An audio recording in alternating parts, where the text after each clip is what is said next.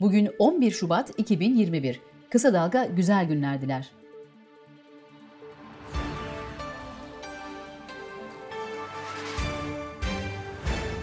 Cumhurbaşkanı Recep Tayyip Erdoğan, AKP grup toplantısında yeni anayasa çağrısını ineledi.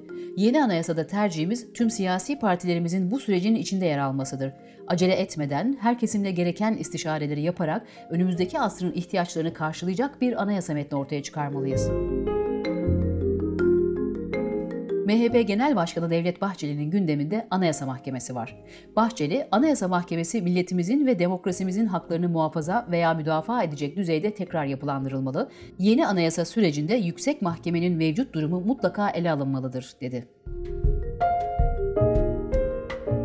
Yeni anayasa tartışmalarına Ayasofya'ya baş imam olarak atanan Profesör Doktor Mehmet Boynukalın da katıldı. Boynukalın Twitter hesabında 1921 ve 24 anayasalarında devletin dini İslam'dı ve laiklik yoktu. Cumhuriyet fabrika ayarlarına dönsün dedi. Boğaziçi Üniversitesi protestolarına katılan İstanbul Bilgi Üniversitesi öğrencisi Hasan Koral Hacıbeyoğlu tutuklandı. Böylece Boğaziçi eylemlerinde tutuklanan öğrenci sayısı 11'e yükseldi. Cumhurbaşkanı Erdoğan'ın inşallah Ay'a gidiyoruz diyerek astronot yerine Türkçe kelime bulunması çağrısı sosyal medyanın gündemi oldu. En çok önerilen isimler Türkonot, Göktürk, Gökçeri, Evrenot ve Akronot oldu. MHP lideri Devlet Bahçeli ise Selçuklular döneminde gökbilim çalışmaları yapan Caca Bey'e önerdi.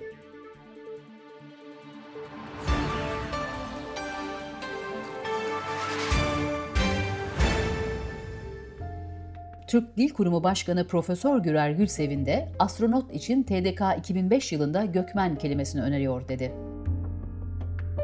Cumhuriyet gazetesine verdiği bir röportajdaki Menderes 25 Mayıs 1960 günü Eskişehir'de erken seçim tarihini açıklasaydı 27 Mayıs askeri darbesi büyük bir olasılıkla önlenebilirdi. Sözleri nedeniyle hakkında suç duyurusunda bulunulan eski Genelkurmay Başkanı İlker Başbuğ ifade vermeye gitti. Ancak savunma yapmayı reddetti. Gezici araştırmanın sahibi Murat Gezici, son anketlerde AKP ve MHP'nin toplam oy oranının %40'tan az olduğunu söyledi. Demokratik Toplum Kongresi soruşturması kapsamında tutuklanan Türk Tabipleri Birliği Yüksek Onur Kurulu üyesi Doktor Şehmus Gökalp davanın ilk duruşmasında tahliye edildi. Eğitim İş Sendikası biz gece vakti işi bitirir, ertesi gün işe gideriz, bilin istedim diyerek Boğaziçi Üniversitesi öğrencilerini tehdit eden Trakya Üniversitesi İlahiyat Fakültesi Dekanı Profesör Doktor Cevdet Kılıç hakkında suç duyurusunda bulundu. Sırada ekonomi haberleri var.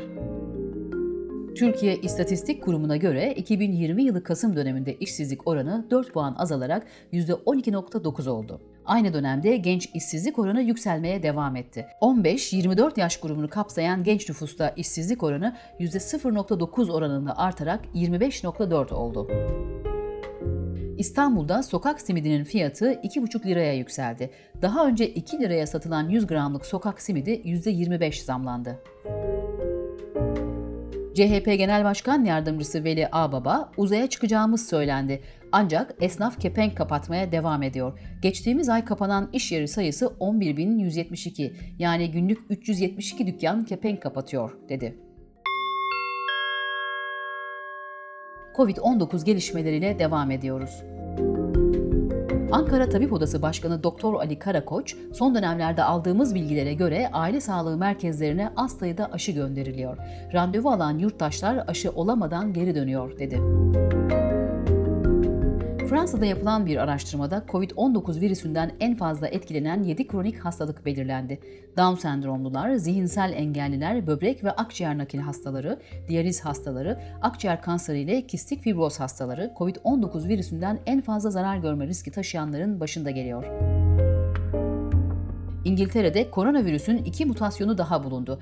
Bu mutasyonlardan birinin endişe verdiği kaydedilirken diğerinin henüz araştırılma safhasında olduğu ifade edildi. Yeni varyantlardan kaynaklanan 76 vaka tespit edildi.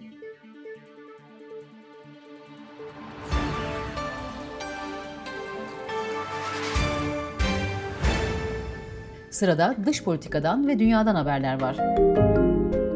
ABD'de 54 senatör, ABD Başkanı Joe Biden'a Türkiye hakkında mektup gönderdi. Mektupta Erdoğan ve hükümetine ülkede ve yurt dışında bulunan muhalefete yapılan baskıya son verme, siyasi tutukluları serbest bırakma ve otoriter çizgisinden dönme vurgusunda bulunmanız çağrısını yapıyoruz denildi.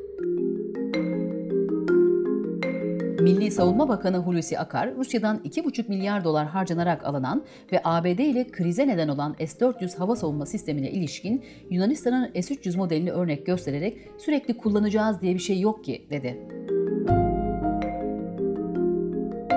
ABD Senatosu'nda yapılan oylamada eski ABD Başkanı Donald Trump'ın azil istemiyle yargılanması anayasaya uygun bulundu. 6 Cumhuriyetçi senatör de Trump'ın yargılanması yönünde oy kullandı. Türkiye'nin bir Türk vatandaşının uluslararası uzay istasyonuna gönderileceğinin açıklanmasının ardından Rus uzay ajansı Roskosmos'tan işbirliği çağrısı geldi.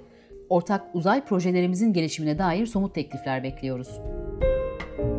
AB, Rusya ile yaşadığı Navalny krizinde yeni adımlar atmaya hazırlanıyor. AB, aralarında Putin'e yakın isimlerinde bulunduğu Rus yetkililere karşı uyguladığı yaptırımların genişletilmesini masaya yatıracak. Suriye'de devlet başkanlığı seçiminden önce anayasa taslağının hazırlanması hedefleniyordu. Ancak anayasa görüşmeleri tıkanmış durumda. Hollanda anayasasına cinsel yönelime dayalı ayrımcılık suçtur hükmü eklenecek. Teyit Köşesi Cornell Üniversitesi'nden Robert Oswald'un COVID-19'un yalan olduğunu söylediği iddiası yanlış. Kısa Dalga'dan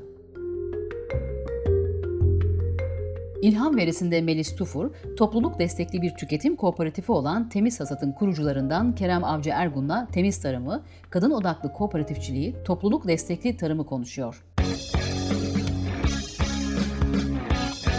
Gözünüz kulağınız bizde olsun. Kısa Dalga Medya.